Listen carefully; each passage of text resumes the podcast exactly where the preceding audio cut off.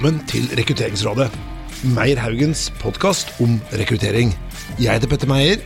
Og jeg heter Sverre Haugen. Dette er podkasten hvor vi samler smarte folk for å drøfte hvordan vi kan gjøre rekruttering bedre. I dag er vi så heldige at vi har hatt med en veldig spennende gjest, Sverre. Ja, det har vi. Og det er Lasse Hønsen. Hei. Hei, Petter. Hei, Sverre. Hei, Lasse. Hallo, hallo. Du, Lasse. Ja. eh, For de som ikke kjenner deg, hva er det du driver med? Jeg er så heldig at jeg er daglig leder av et selskap som heter Cute. Eh, Et selskap som er eid igjen av et selskap som heter Aon. eh, Og vi er jo da Norges største utvikler av eh, arbeidspsykologiske tester. Og det er jo relativt relevant for oss som jobber med rekruttering. Ja, og vi, vi tenker jo at uh, Vi har gleda oss så til å ha deg i studio. For vi har jo, vi har jo kjent hverandre en stund, og vi bruker jo Cute sine tester her i Meierhaugen. Ja. Og så er det jo dette som er temaet her i dag, da, det er jo bruk av tester i rekruttering. Hva funker, hva funker ikke? Og de som lytter til oss, tenker at uh, ja, hva er fordeler med å bruke Cute sine tester når de skal få tak i de beste folka? For et spørsmål, Petter. Hvordan skal jeg svare på det? Ikke uten at jeg starter en sånn sales pitch. Eh, Nei, jeg tenker Det som er viktig, er jo å ha fokus på, på eh, som jeg er stolt av, er jo fokus på kvalitet. Ja. En ting. Eh, Vi har jo vært en forkjemper for å få på plass en DNVGL-sertifisering på tester. Først ute med å få evnetestene våre DNVGL-sertifisert. Ja. Vi var tidligst ute sammen med et annet selskap med på personlighetssiden. Og Ja. alltid vært opptatt av å fremme god Fordomsfri rekruttering da, og objektiv metodikk. Og dette gleder jeg meg til, for det kommer vi mer tilbake til Ja. eh, senere. Men jeg, jeg husker faktisk mitt første møte med Cute. Ja. Det vet jeg ikke om jeg har fortalt deg om. Nei, det har ikke jeg hørt om. Men jeg jobbet da i Accenture og var ansvarlig for rekruttering. Og så hadde jeg et møte da med Cute, som skulle selge inn tester. Vi brukte ikke tester, da. Nei. Det er mulig de gjør det nå. Men da, var det, da sa de at du vet hva, vi ansetter bare psykologer. Sa de. Og det var, det var liksom litt sånn Det var ganske tungt. Er det, er det sånn fremdeles, eller? Ja, sånn er det. Eller i hvert fall tilsvarende. da. Altså, nå er det jo en hel, er, Vi skal ikke starte den debatten her, men det er jo en stor debatt pågående i psykologi, eh, altså ikke verden, men altså psykologilandskapet i Norge, som går på tittel og hvem er det som har rett til å kalle seg psykolog eller ikke. Men eh, vi sidestiller da mastere i organisasjonspsykologi med folk som har profesjonsstudie i psykologi. Ja. og det er det vi ser etter, ja. Fortsatt den dag i dag. Så da er, For jeg har jo en master med spesialisering i organisasjonspsykologi. Mm. Så da er jeg jo egentlig innafor. Du er innafor, du. Ja, ja, ja. Når er det du søker, Sverre? Vi får se. vi får se. Jeg kan svare på det etter, etter podkasten.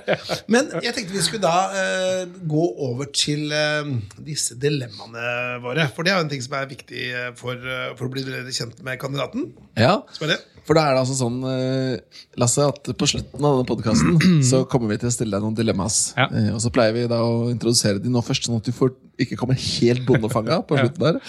Eh, Og også sånn at de som lytter, kan, kan tenke over hva de tenker om disse tingene. Ja.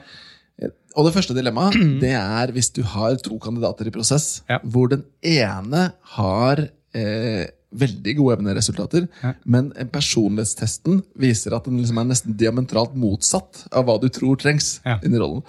Og den andre kandidaten har en personlighetstest som er helt perfekt i forhold til hva du tror du trenger, men et dårlig evnetestresultat. Ja, ja. Det er, det er den første. Det er ren fagtest, altså. Ja, ja. Og dilemma nummer to, det er jo en klassiker, Petter. Ja, Da har du eh, to kandidater, og begge er egentlig kvalifiserte. Eh, den ene har en eh, hva skal jeg si, ganske dårlig evnetest. da. Skårer egentlig ganske ned mot eh, Om ikke akkurat null, så er det i hvert fall langt ned på skalaen. Men bare A-er fra LSI og Harvard og sånn. Ja.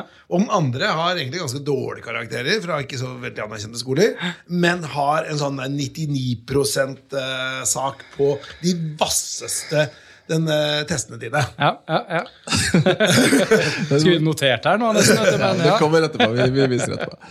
Og så til slutt så kommer det et helt annet type dilemma. Ja. Og da, Den har du gleda deg til, Sverre. ja, den har jeg gleda meg veldig til. For da må du se for deg at eh, kona di For jeg vet du er nybakt far. ja, Ja. det stemmer. Så barnemoren, kona di, hun sier at du, jeg har lyst til å ta, ta en sånn evnetest, fordi du jobber jo med tester.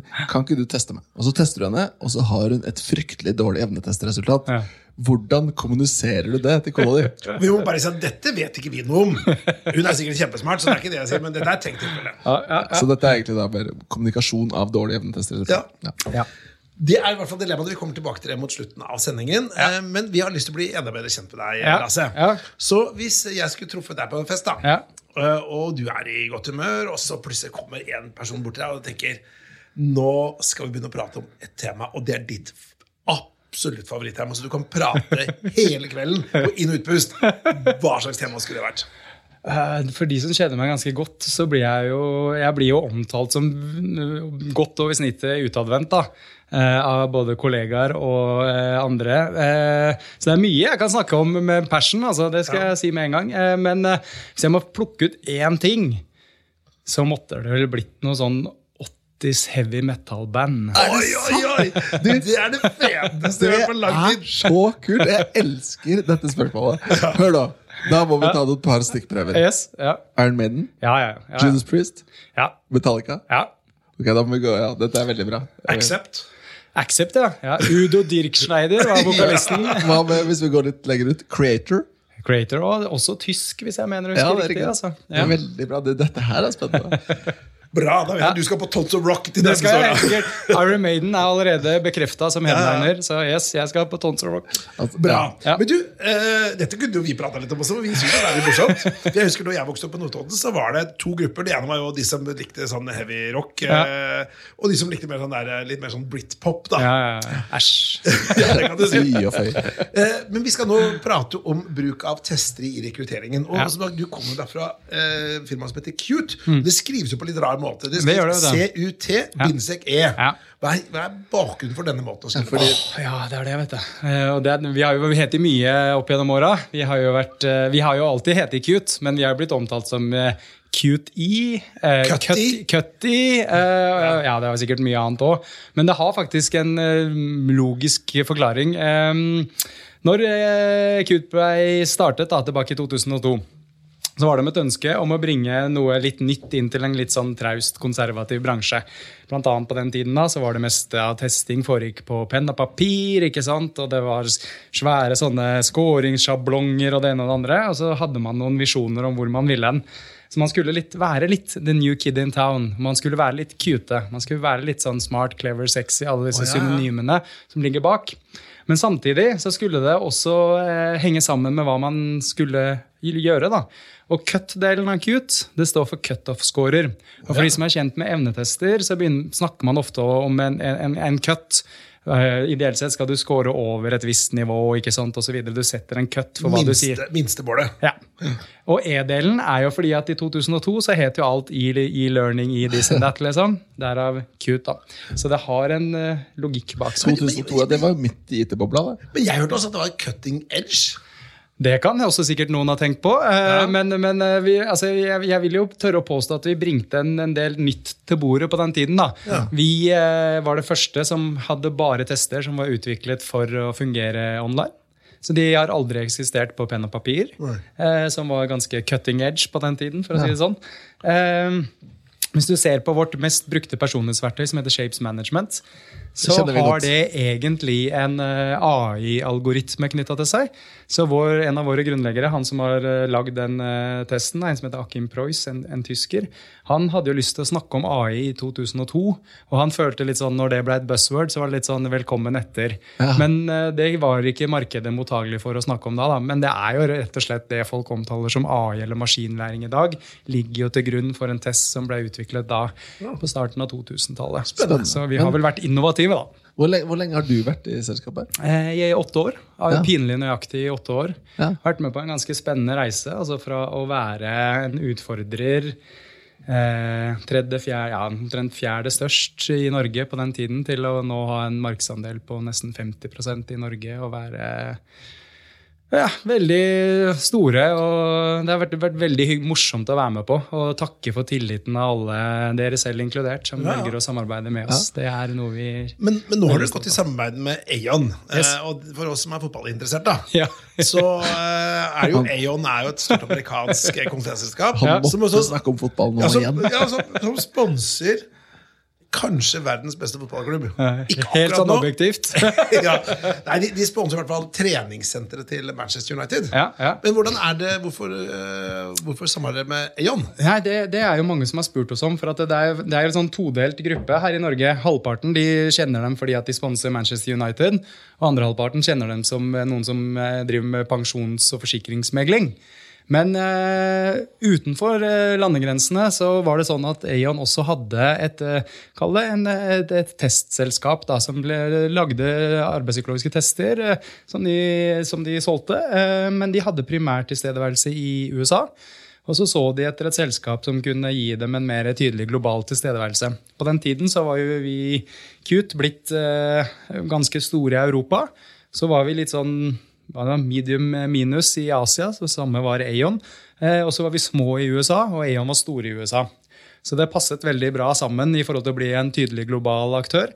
Eh, samtidig som at verdiene og hva de tenker rundt hvordan liksom, vi skal bygge kompetanse osv., er ganske likt. Så der er det en gjeng med De er faktisk enda litt strengere enn oss, for der er det bare det de kaller eh, IO psychologists i USA, eller Industrial Organizational Psychologists. Ja. Eh, men alle har doktorgrad der, da, bare for å liksom være enda litt mer sånn feinschmeckere. Ja, Yes, ja, ja. yes. Så da fikk vi mange flinke kollegaer, så nå er vi ja, en dobling av eh, antallet, ca. 500 mennesker som holder på med dette globalt innad i dette svære Aon-systemet på 55 000 ansatte. Da. Spennende.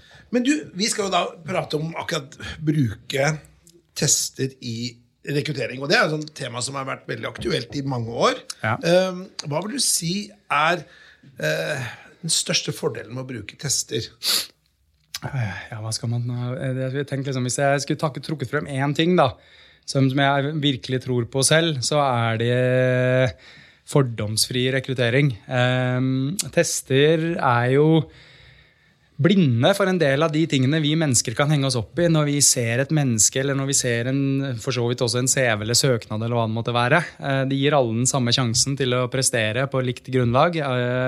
Og det, jeg syns det er noe fint med det. da. Og så kan man jo alltid debattere om, eh, om eh, maskinen liksom, som velger og det ene og det andre, men eh, jeg syns nå at tester bringer et verdifullt bidrag inn når det kommer til kvalitet og dette med fordomsfri rekruttering. Da. Men Så er det jo, er det jo andre, andre ting som er relevant i forhold til tester. Vi, det er jo en grunn til at tester har, brukes jo mer og mer. Og Det er jo fordi man har sett i dette, disse kjente studiene, denne som har blitt en bauta innenfor rekruttering, Schmidt og Hunter, Ja, eh, at det er et valid måleinstrument. ja.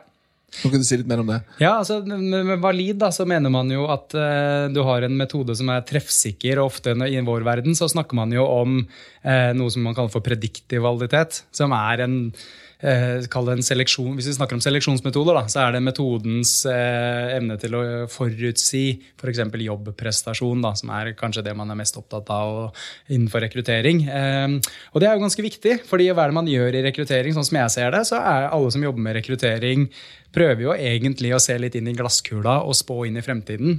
Og si noe om kommer denne personen til å lykkes eller ikke i denne jobben. Eh, og da handler det jo om å eh, øke sannsynligheten for å treffe riktig, samtidig som du minimerer risikoen for å gjøre feil. Og da må du bruke treffsikre metoder. Og der er det masse forskning, bl.a. denne kjempestore studien som ble gjort for ja, tilbake noen 20 år siden da, av Schmidt og Hunter, som så på ulike seleksjonsmetoder og kom frem da til at tester er vel noe av det bedre vi kan forholde oss til, og særlig da disse evnetestene, som det er mange følelser knytta til òg, men de ser Ja. ut til å fungere. For denne podkasten går jo ut til de som er interessert i rekruttering. Og, Ja. og der er det jo helt sikkert forskjell på nivåene i forhold til kunnskap om tester. Så det blir jo litt sånn, Men for, for de som ikke kjenner det, da, så er det jo Du nevner evnetester. Ja. Og da ser man jo ofte det opp mot f.eks. personlighetstester. Ja. Er det noen andre sånne grove typeinndelinger? Du har noe som heter ferdighetstester, da, som går liksom på hvor god er du i norsk, for sant? Eller uh, regneferdighet, hvor god er du i matte og den type ting. Eh, det er vel kanskje det, det er vel de, de, de viktigste grupperingene. da. Ja. Men du har jo motivasjonstester òg, f.eks. Men eh, det er jo brukes på litt annen måte kanskje da, innenfor eh, når det er rekruttering enn en, en disse prim, altså evne og personlighet og den type ting. Men, men, men i hvert fall hovedinndelingen går på da personlighet, som da må du prøve å måle da hvor, hva slags personlighet personen har. da, big, Ja. Gjerne på Big Five. Ja. Uh, og der evnetester er på en måte hva, hvor, hvor smart er du til å løse nye oppgaver. Ja. Ja. Men uh, hva, hva bruker folk mest av? Uh, historisk så har det jo vært i hvert fall her i Norge mye mer bruk av personlighetstester enn evnetester. Men, det, men det, det, det endrer seg litt grann nå. altså. Ja. Det er liksom litt sånn eh, Vi ser et li, kanskje et lite skifte der, da, i favør at flere og flere tar i bruk evnetester. Så kan noe av det ligge til grunn av at folk rett og slett eh, tester kanskje litt tidligere i prosessen nå enn enn, eh, man gjorde tidligere. Og da er jo evnetester ganske gode til å skrine folk, som det så fint heter. Ja. Ja, men jeg tenker sånn Det som vi er veldig opptatt av, uh, Sverre, det er dette med kandidatopplevelsen.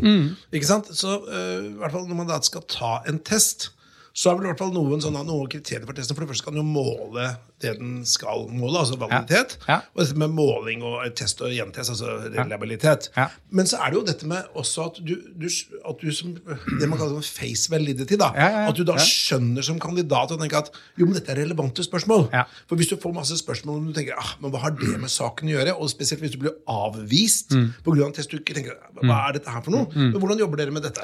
Nei, altså Det er veldig interessant du spør, altså, Petter, fordi at, eh, det er jo noe som er veldig viktig. Eh, og så er det viktig å dra et skille der da, på face validity av hvordan vi opplever en metode, og kvaliteten på metoden. Og Evnetestene de har jo lidd eh, siden tidenes morgen på face validity. For dem, for dem som ikke har sett dem, så kan en generell evnetest er veldig abstrakt. Det kan være symboler og diagrammer og tall osv. Og, folk syns den ser helt rar ut. og Skjønner ikke helt relevansen av de. Men hele styrken i det ligger jo at de skal være så generelle, for de skal si noe om din generelle evne til å løse ukjente problemer raskt og riktig. Eh, Men selvfølgelig må man jo også der ta inn over seg kandidatopplevelsen. Og det er jo en av de store trendene innenfor vår bransje. At folk har mer og mer fokus på liksom hvordan er det kandidatene opplever dette her. Eh, Og en av de tingene vi eksempel ser på nå, er jo hvordan vi kan tilføre spillelementer til eksisterende Kall det valide og reliable ja, ikke sant? Hvor vi ser på eh, Vi tar våre tester som vi vet allerede har en etablert validitet og reliabilitet. Vi har testdokumentasjon, kanskje de også er DNVG-sertifiserte osv. Og så tilfører vi det noe s- tilsnitt fra spillforskning. Da. Så da har vi rett og slett sett på hva er det som gjør at folk blir engasjerte i, i spill. Særlig mobilspill, for det er jo en, en, også en trend nå. Dette med at flere og flere kanskje interagerer med tester på, på mobile plattformer. Og da er det sånn at du eksempel legger til at folk når de løser en oppgave riktig, så låser de opp et nytt nivå. Ja. Og den type ting. Eller du får feedback med en gang, så du skjønner om det svarer riktig eller galt. Og de første versjonene av våre gamification-tester de inneholdt også lyd. Men det sjekket vi ut. Med å tracke kandidatopplevelsen så så vi at det satte ikke folk pris på. Nei. Så det går en sånn derre hvis vi snakker om gamification, så er det jo veldig mye fokus på det for å liksom gi, gi eh, kandidatene en mer engasjerende opplevelse når de gjennomfører eksempel en seleksjons- eller en kartlegging. Da. Ehm, men det har jo en slagside òg, at hvis det blir for mye fjas, så syns folk det blir useriøst. ikke sant? Ja. Så eh, sitter du, er du en sånn alien som kommer fra verdensrommet, og sånn, så er det noen som syns at det kanskje ikke heller er så relevant. da, Selv om intensjonen kanskje kan være god ikke sant, i forhold til at folk skal spille og at det skal være mer engasjerende osv. Men dette, dette er jo litt interessant, for da dere jobber altså med å gamifye tester. Hva, hva, gjør dere noe annet spennende eller på utviklingssiden? Ja, så Vi har jo kommet med en, en eh, videointervjuløsning nå, eh, som jeg syns er ganske spennende. En såkalt asynkron videointervjuløsning. Dvs. Si at du kan sende en kandidat en link til et, eh, å gjennomføre et videointervju, som de kan ta når de har tid, og du kan se på det når du har tid. Så man slipper å møte face to face og unngår den logistikkutfordringen med å booke inn sånne type ting, som ligner på Skype f.eks. Eh, I tillegg så er det kompetansebasert, dvs. Si at man tar litt av den psykometriske kunnskapen vi sitter med, og lager liksom at du måler noen spesifikke kompetanser eller noe atferd du ser etter. Og dette kan du score i tillegg òg, da. Eh, I tillegg så jobber vi jo nå med å lage en AI løsning på det, en kunstig intelligens da, altså, som skal kunne forutsi og score hvordan folk eh, eh, score på dette videointervjuet uten at et menneske gjør den scoringen. Er det kroppsspråkanalyse? Eller hva er det Nei, og det er, der, det er litt interessant, for det er mange ulike tilnærminger der. Hvordan vi har valgt å gjøre det, er at vi tenker at eh, ja, For å dra et skille, da, så er det eh, Innenfor AI-verden så snakker man om glassbox og blackbox approach. Du må forklare videre hva det er for noe. Yes, Black box approach det er jo, ligger jo litt i ordet. Det er at det er veldig uklart hva som egentlig skjer, men kanskje metoden eh, treffer veldig bra. Eh, men du gjennomfører ja, la oss si et videointervju eller om det er en test, eller hva det er, og så skjer det noe hokus pokus, og så kommer du til et resultat. Mens en, eh, black, nei, en glassbox approach, som vi har valgt for vår videointervjuløsning og den AI-skåringen, så er vi veldig transparente om hva som skjer. Jo, hva er det vi gjør? Jo, vi hører på hva du sier, og så er det en tekst, en sånn, altså rett og slett en sånn um, foregår en tekstanalyse. Da, Du transkriberer talen din til tekst, så analyserer den. og det, så det er fullt fokus på hva du sier, altså content, innhold, og ikke eh, ansiktsuttrykk og om du smiler og etc., etc. Som har en del flere feilkilder knytta til seg. Og der, der har jeg lyst til å bare si én ting. fordi den, og den er ikke alle som tenker over. fordi Se for deg Sverre eller Petter. da. Jeg skulle eh, tatt et videointervju av dere, og så skal jeg analysere dere ut ifra ansiktsuttrykkene deres osv. Som er morsomt i seg selv, altså. Men eh, eh, la oss si at man er en sånn person da, som mange kjenner igjen, som kanskje ser litt skeptisk ut, men så er man ikke så skeptisk. Ja. Og så blir du da eh, scoret som kanskje skeptisk. Da, sånn for, sånn, for, noen av disse noen løsninger kan jo liksom si noe om din personlighet osv. Si ja, i hvert fall en påstand, da. Eh, men hva, hvordan skal jeg korrigere for at jeg ikke tillegger deg å være skeptisk når du egentlig ikke er skeptisk? Jo, da må jeg jo ta et bilde av deg da, når du ikke vet at jeg tar bilde av deg. Så jeg har et såkalt baseline-mål på hvordan ansiktet ditt ser ut når du er nøytral. Mm. Og i disse GDPR-dager, som de fleste av lytterne dere sikkert er klar over, så er jo det litt utfordrende. For da må jeg ta et bilde av deg når du ikke har sagt ja til at jeg skal ta et bilde av deg, som jeg skal koble til en eventuell vurdering av deg, som fører til om du kanskje får eller ikke får en jobb. Og det er jo litt problematisk. Ja. Eh, så vi har valgt heller å fokusere da på noe som er relevant for jobben. og det er Hva svarer du på disse spørsmålene, eh, og er det bra eller dårlig? Og Det går det an å gjøre tekstanalyser av og score ganske eh, nøyaktig. Men du, Hvis man da sitter og hører på dette her, og man er en HR HR-sjef eller en rekrutteringsansvarlig eller en linjeleder og tenker at okay, vi bruker ikke tester i rekrutteringen, vi. Eh, men det høres jo fornuftig ut. Hvis ja. Uh, hvordan skal man gå fram da? Hvordan skal man velge tester? Det er helt sånn praktisk, Hvordan skal man gå fram hvis man har lyst til å bare teste det og bruke tester? Ja, så jeg ville jo tenkt, altså, Som jeg nevnte i, i, sted, så er det jo eh, DNV har jo fått på plass altså DNV GL. da, uh, så For de som ikke kjenner det, så er jo det et selskap som sertifiserer uh, ulike ting. Alt fra skip til tester. og De har en oversikt over alle tester og testleverandører som har sertifiserte tester. Det kan jo være en god start. da, og Så kan man invitere noen av de aktørene der til en prat. Det er nok de, de kan prate med deg også, Lasse. De kan prate med meg òg, men jeg får prøve å være litt sånn eh, Jeg får litt hva det heter. Eh, jeg kan jo ikke være helt objektiv her, da, men jeg prøver jo da å være i hvert fall ikke, sånn, ikke, ikke, en, ikke en salgspitch her. Men, ja. men eh, kan jeg stille et spørsmål? Fordi jeg ble litt nysgjerrig på dette som skjer mm. på, som du ser på utviklingssiden. da. Mm. Når det kommer gamification, det kommer videoløsninger. Er det rullet ut? Kan deres kunder begynne å bruke det? Kunne ja, på, på, på, altså, vi, vi, vi, har den klar for engelsk språk, da. men norsk er ikke klart ennå. Det, det er litt sånn for at dette er, dette er hvordan den her fungerer, er at eh, det er noe som heter IBM Watson, som noen kjenner til. Ja. Som er en supercomputer som IBM har utvikla, eller IBM, eh, som har masse data som folk kan koble seg på gjennom en såkalt API og få tilgang til ulike data. Der ligger det bl.a. veldig mye sånn tekstanalyse og noe som kalles for natural language processing. Um, og den uh, videointervjuløsningen vår, AI-løsningen, snakker med denne her. Men der er jo selvfølgelig alt av det innholdet som ligger på IBM Watson, engelsk. Så hvordan den her må fungere, er at den må høre det på et lokalt språk, transkribere det til engelsk, og så kode det videre. Da. Ja. Um, så det, tar, det, det, vil være en work in progress å få dette på de mer obskure språkene som norsk, f.eks. Men, men engelsk er klart. Så det er ikke sånn eh, Terminator-scenario, dette her. Altså, det, er, eh, det, er, noe som er eh, live. Ja, ja. Spennende. Bra. Men hvis vi da går videre til sånn tradisjonell testbruk, da, mm. så det er jo mange som eh, Når jeg diskuterer testbruk med våre brukere, så er det jo mange som har, en, har innvendinger mot tester. At det, at det, er dyrt, eller at det tar for mye tid. det er liksom sånn, Hva kan man stole på de? Skal du bruke tidlig eller sent rekrutteringsprosessen? Og, altså, hva er liksom de vanlige det er, det er ganske mange innvendinger, da. Ja, ja. Uh, nei, altså no, Noe av det er jo, som jeg tror liksom går med det som innvendingene mange går, går på, er vel at Eh, noen har hatt en dårlig opplevelse selv. og så blir, farger det en beslutning man tar. At man liksom Ja, men jeg er jo god på dette, men gjorde det dårlig på den testen. Da. Kan jo være en innvending vi hører. Eh, men eh, det kan også være at man eh, Hva skal jeg si? Noen ganger kan det også være at man kanskje ikke er så kjent med hva som egentlig ligger til grunn. da. Eh, eksempel når jeg snakker med folk som er skeptiske til evnetester og forklarer at sånn veldig grovt hva de prøver å gjøre, er å si noe om din evne til å løse ukjente problemer raskt og riktig, er ikke det relevant i de fleste jobber? Og Da får man folk litt på glid etter hvert. Når de begynner å skjønne hva det egentlig går i, og ser også hvor mye overveldende evidens det er for at det fungerer. Da. Um, og det er jo få ting som kanskje er så godt dokumentert da, som at uh, det som på fagspråket kalles generelle mentale evner, er Hvor smart du er, rett og slett. Ja, eh, det er jo det. Men altså, liksom, mange kobler dette til intelligens eller IQ og den type ting.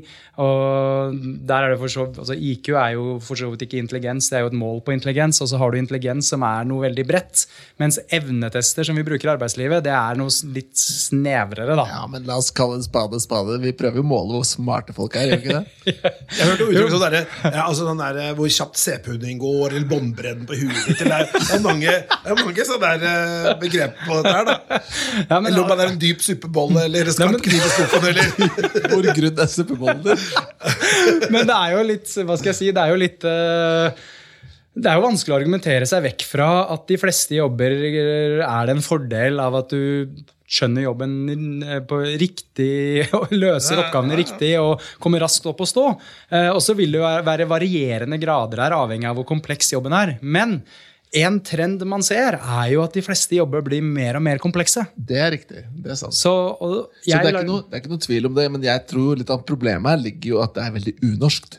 Å si Ja, at ja. kandidat A er smartere enn kandidat B, eller har en høyere generell eh, GMA, da, General Mental Ability. ja, Så det er jo veldig unorsk. Ja, jeg har jo hørt liksom noen som snakker om at eh, sorteringssamfunnet og, så, og da, da, da mener jeg at man blir litt, det er litt useriøst. Men, men da kan man si, Du hører sikkert på Big Five, eh, Ja. med, eller sånn er du da, med Harald Eia og Nils Brenna. Ja. Og da sier de at vi rangerer ikke, vi bare sorterer. og det er de veldig opptatt av. da. Men der, der sier de at hvis, hvis du er smart, og du, har, eh, og du er strukturert, Ja. Eh, og har høy gjennomføringsevne, da, Ja. så går du langt. Og hvis vi da i tillegg kan si at hvis du er flink på folk, da, som, Ja. Sverre og jeg er opptatt av, så er det, da har du en, en kinderegg av en personlighet. da har du sikkert øh, noen fordeler, ja. Det, Men det er jo liksom, det problemet her er vel at alle sammen, hvis du spør snittet, spør en stor fol- gjeng folk, så vil jo alle tenke på seg selv som litt smartere enn snittet. jo da, jo da, det har jo faktisk eh, akkurat det der har jo en, det er jo en egen effekt innenfor psykologien som heter Dunning-Krüger-effekten. Ja, ja, ja. Og det er eh, de Jo mindre du vet om en ting, jo mer eh, Ja, ja, og, de som lider verst av den, det er jo de som er veldig inkompetente og ikke vet det, da, for å si det sånn, og ikke skjønner det. Eh, og der er en av de tingene de undersøkte når de etablerte denne effekten, var at folk skal si hvor gode de er på å løse sånne komplekse type sånne emnetestoppgaver. Og de som lå helt nederst der da, de sa at de var litt over snittet på å løse de oppgavene. Og det er jo en ganske stor eh, diskrepans da, mellom hvor du faktisk ligger og hvor du tror du ligger. Men den skjer også i det andre ytterpunktet. De som er dritgode, for å si det sånn som du sier der jeg kommer fra, på, på å løse sånne oppgaver, tror også at de bare er sånn rundt snittet, litt over kanskje. Så ytterpunktene er litt dårlige til å vurdere seg selv. da. Det, det er som jeg sier, alle tror de er litt bedre enn snittet. Ja, ja, ja, ja ikke sant? Alle er sånn 87 mener de er litt bedre til å lukeparkere. Enn- Exactly, det, ja, det, det går ikke helt Hvis det gjelder menn, i hvert fall. Feilaktig. Alright, ja, men bra. Jeg, jeg tenkte vi skulle se litt på disse berømte Du, vet et punkt vi har glemt å skrive opp her, Sverre. For vi har jo laga en sånn oversikt. Ja, ja. Og det er å skal løfte blikket litt. Ja, det er sant. Det har vi helt glemt å skrive på skjemaet vårt her. For jeg visste hvor det så mangla. Så eh, Lasse, hvis vi skulle utfordre deg på en ting, da. Dette, blir liksom på sparket. Ja, ja. Ja. Ja. Og det er at eh, det er mange problemer i rekruttering. Ja. Eller utfordringer, da. Ja. Hvis du skulle løst ett problem, da eh, ikke tilbake har nødvendigvis hatt noe med selve testing å gjøre, men ett problem med rekruttering. Hva slags problemer ville du løst da? Eh, uff, ett problem. Den er ganske tøff, altså. Men, men eh, jeg har jo, har jo et par kjepphester, da.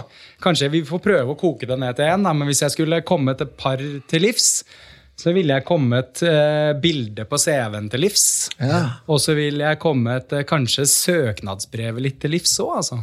Ja. I en, hvert fall for en del roller så vil jeg gjerne utfordre på om den er det relevant. Hva er det? Ja. Og nå skal du få litt data av meg på de greiene. Ja. For dette holder jeg mye kurs i, for jeg holder masse jobbsøkerkurs. Ja. Og, og jeg har skrevet en bok for jobbsøkere. Ja. Hvor vi blant annet har spurt da folk som tar imot CV-en sånn, vil du ha bilde eller ikke. Altså rekruttererne og de som screener. Ja. Og der er det sånn at 70% av de som svarer, vil ha med bilde. Yes. 20% sier det er ett fett, og Ja. 10% sier nei. vi vil ikke Yes. ha med bilde. Ja. Så 90 av alle rekrutterere, da, det blir ikke helt statistisk valid, men de sier altså enten så bør du ha med bilde, eller så driter jeg i det. Ja. Så, så Og jeg, jeg, jeg, jeg vet hva, jeg, jeg, jeg får litt vondt du, når du sier Jeg vet det. Fordi at um, det er så mye forskning da, som ligger til grunn, sånn generell psykologisk forskning også, men også på CV-er, som viser at når vi ser et bilde av noen andre, da begynner vi å danne oss en del meninger om hvem den personen er. Og det er ikke alltid treffsikkert, da. Nei. Og det kan gå ganske galt av sted. Og der har man jo sett at uh, det er en del som rett og slett blir screenet ut. Ikke på bakgrunn av kompetanse, men på bakgrunn av hvordan de så ut på bildet. Og dette er veldig lett å gjøre et design på. Du kan ha identiske CV-er, men du manipulerer bildet bare i forhold til f.eks. grad av attraktivitet. Da.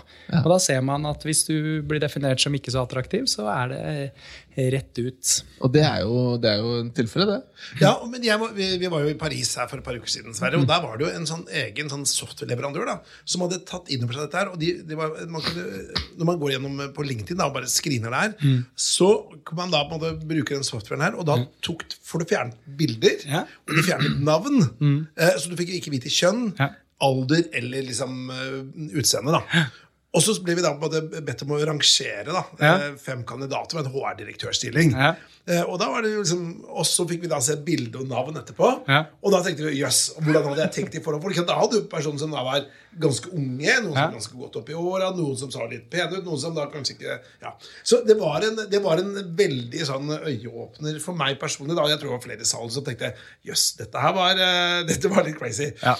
Og jeg har holdt på med det her i så mange år, og sikkert ikke eh, så oppmerksom på alle de biasene eller feilkiltene jeg har hos meg selv. da Så moralen i historien er at det, gjelder, det holder ikke å vite om disse biasene. Vi går i dem likevel. Ja, ja, men det er, vi er mennesker. Ja. Altså, det, er det, det er som sagt at Du kan kunne så aldri så mye om det her, og den som kan kanskje mest om det i verden, er jo en psykolog som heter Daniel Kahneman. Ja, ja. Og han sier uh, eh, han siste Jeg hørte et sånt et, For de som kjenner TED, så har TED startet en ny podkast nå som heter TED Interview, hvor de i, i kontra liksom selve TED-presentasjonen så kan de dypdykke litt ned i det folk har presentert. Da. Eh, og Der snakker han eh, med Daniel Kahneman, da, og det, den heter vel noe sånn eh, Daniel Kahneman on why you should doubt yourself. Ja. Og, Det, det er thinking fast and slow. Det er han som har skrevet den boka, eh, og han, han, han eh, kan veldig mye om det her, vil jeg si. Det er godt over snittet, Men kan jeg trygt si. da. Eh, Og han sier han går i fella hele tiden. Det er veldig interessant. det der, altså. Men du, det har nesten vært en egen podkast verdig, dette med hva skal vi si, mangfold og for, fordommer og sånn. Men jeg tenkte vi måtte Men først, først oppsummere før du knekker videre. Oppsummeringen egentlig på fiksing Det handler da om eh, å fjerne fordommer, eller sånn si mer rettferdig rekruttering. da Ja, jeg, jeg er veldig tilhenger av det. da. Og jeg mener at folk skal er, er, er du kompetent nok, så er det det du skal bli vurdert på. Ikke på hvordan du ser ut da, på et bilde, f.eks. Eller for å ta en annen kuriositet. Når jeg, eh, gjorde, jeg skrev en kronikk for mange år tilbake om det temaet. Og Da gjorde jeg en del research på å finne hva er det man har undersøkt og sett på på CV-er. Og Man har jo manipulert alt mulig rart. Deriblant også noe som er veldig vanlig i eh, filmindustrien. Og det er å legge på høyde og vekt. Oh, ja. Så de sendte ut CV-er hvor folk måtte, så de oppga høyde og vekt. da. Men kompetansen var lik. ikke sant? CV-en var helt lik. Alt var konstant, bortsett fra høyde og vekt. Og da sitter altså mennesker og ser høyde 1,75, 130 kilo. Tenker det må være en overvektig person. Ut. Ja. Og det er ikke kompetanse som blir vurdert. altså. Det er en sånn split second decision, altså Ja. system 1, som Daniel Kahneman ville kalt det. ikke sånn Huleboeren i oss, som gjør en beslutning på irrelevant informasjon. Men eh, jeg, bare, jeg kan ikke la det ligge helt ennå, Petter. Sorry. Men er det ikke sånn at vakre mennesker selger mer jus? Jo, jo. Ja, men altså, Vakre mennesker har jo stort sett bare fordeler. Eh, Det er jo masse altså det, I de- know the feeling.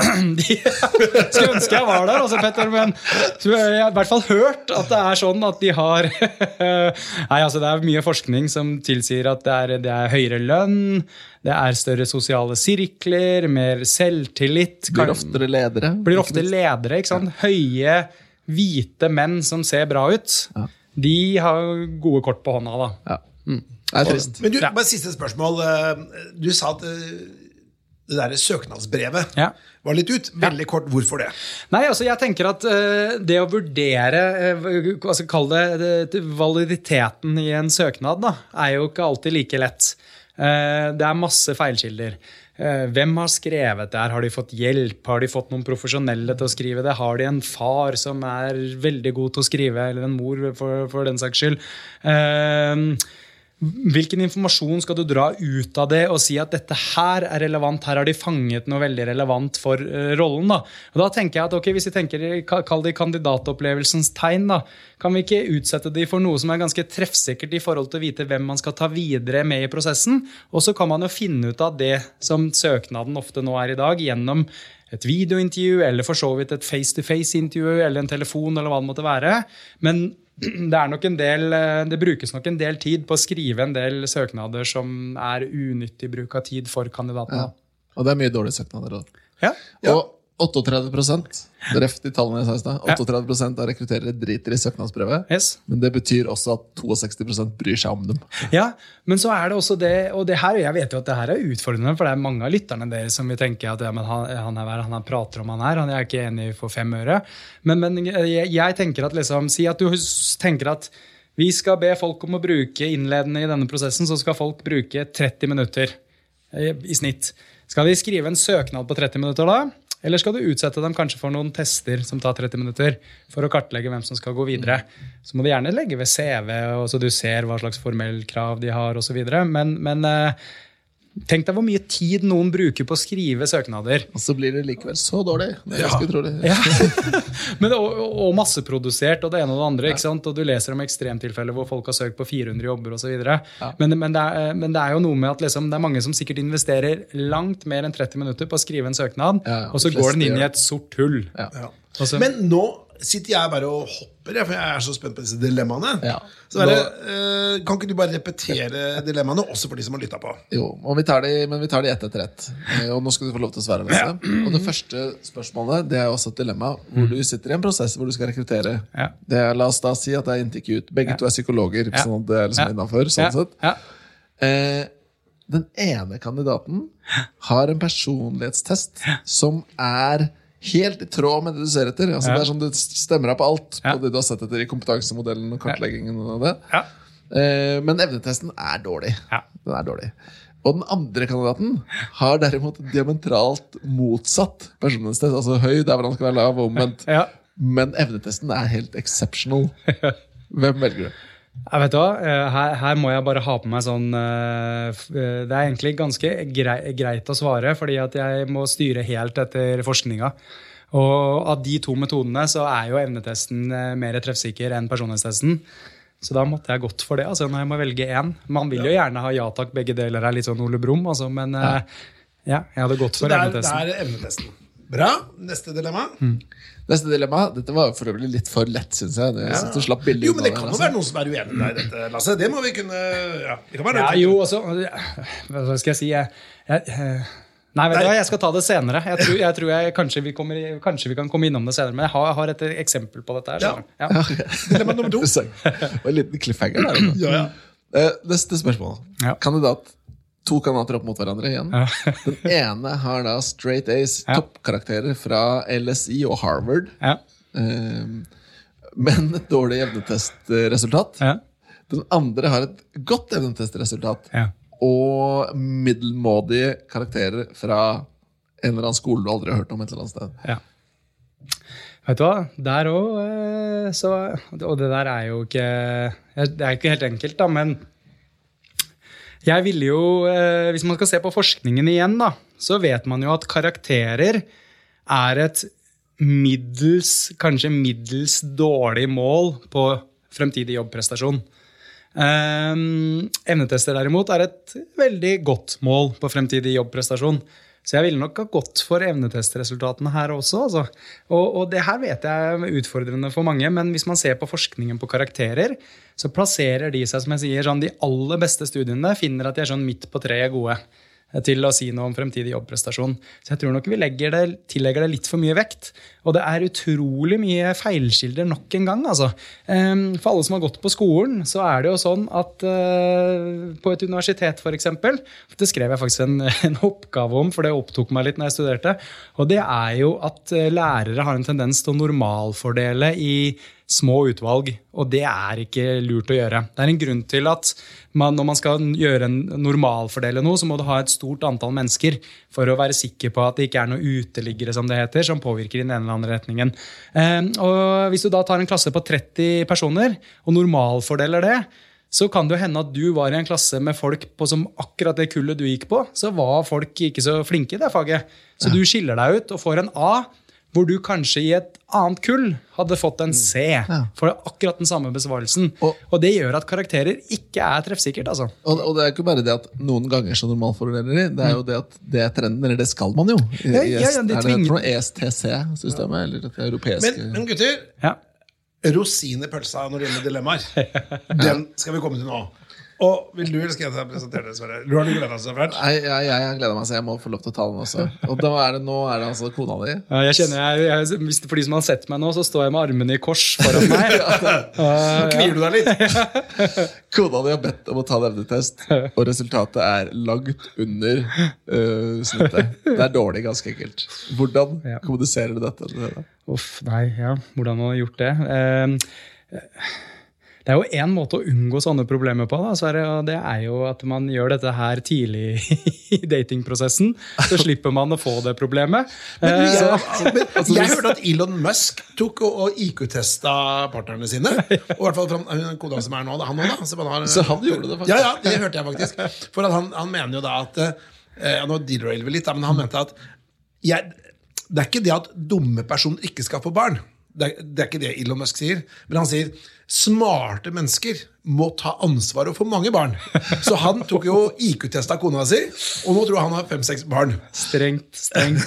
ja, ok. Men du slipper ikke så veldig da. La, her har vi, Med mindre, har du testa det? Nei, nei, jeg har ikke nei. det. har ikke det altså. nei, øh, noen ting er greit at kanskje er også litt sånn Skal ikke ta med seg jobben så mye hjem. Er det ikke greit at det er noen, noen ting vi ikke vet òg? Eller, eller, hvordan er det? Uh, nei, altså, jeg ville jo tenkt liksom at uh, hvis man skal komme, altså, sånn, For å snakke veldig sånn seriøst, altså, hvis vi skal kommunisere et testresultat, så tenker jeg at det skal, uavhengig av om det er hvordan personen har gjort det, så må du kommunisere et ærlig resultat, men på en ivaretagende måte. Ja. Tenker jeg da. Ja. Så da vil jeg så du, du, er dum, men det går bra? det ville jeg ikke sagt. Jo, men jeg jeg syns det er relevant, for det hender jo av og til at eh, vi har kandidater som vi, uh, som vi tester. da. Mm. Og veldig mange av dem har jo veldig gode resultater. Ja. Men det hender jo av og til at noen da av en eller annen grunn får dårlige resultater. Mm. Det kan være selvfølgelig dagsform mm. eller forstyrre. eller sånt. Mm. Men hvordan, hvordan, hvis du skal være veldig kort, eh, Lasse, ja. hvordan ville du sagt det tilbakemelding til noen som har ekstremt dårlige evnetester? Jeg, nei, altså, da ville man kanskje sagt noe sånt som at uh, sammenligna med andre, så ser det ut til at du har strevet litt med disse oppgavene. Og Der er det et par keywords. da. Det ene er streve, som er et lite verdilada ord, istedenfor å si undersnitt eller unormalt. Ja. eller whatever, For det tillegger masse verdi, og det skal man ikke gjøre. Eh, så det streve er et sånt lite farlig ord. Og så sier jeg disse oppgavene det lukker det til oppgavene som denne testen omhandler, og ikke hele din verdi som menneske, eller hva det måtte være, som folk ja. kan kanskje tillegge til et ja. testresultat som ikke var så heldig. da. Ja. ja. Bra! Da tenker jeg vi skulle gå inn på landing. Eh, Sverre. Nå mm, har vi vært gjennom veldig mange spennende temaer. Eh, vi har hørt både etymologien til Cute, vi har hørt om dette med validitet, prediktiv validitet. Vi har hørt om dette er hvilke temaer du har lyst til å løse ja. i rekrutteringen. Lasse. Ja. Er det noe siste du har lyst til å si på tampen? Nei, jeg, En ting jeg går og tenker på som jeg syns var fascinerende, var en gang vi og hørte på en, en, en forsker som snakket om problemene med, med CV, for eksempel, da, og alle feilkildene som ligger knytta til det. Og han sa, Da brukte seg selv som eksempel, skulle rekruttere inn til sitt fagmiljø. Og så sa han eh, I hired for the resume, and then the whole person showed up. og jeg syns det er ganske mye fint i det. da For vi er jo mye mer enn det, på, på godt og på vondt. Og da er det kanskje greit å få vite litt mer enn bare det som står på dette arket. da Veldig bra. Bra. Da fortsatt jeg siste ord i denne veldig spennende podkasten. Tusen takk, Lasse. Takk for at jeg fikk komme. Tusen takk. Takk.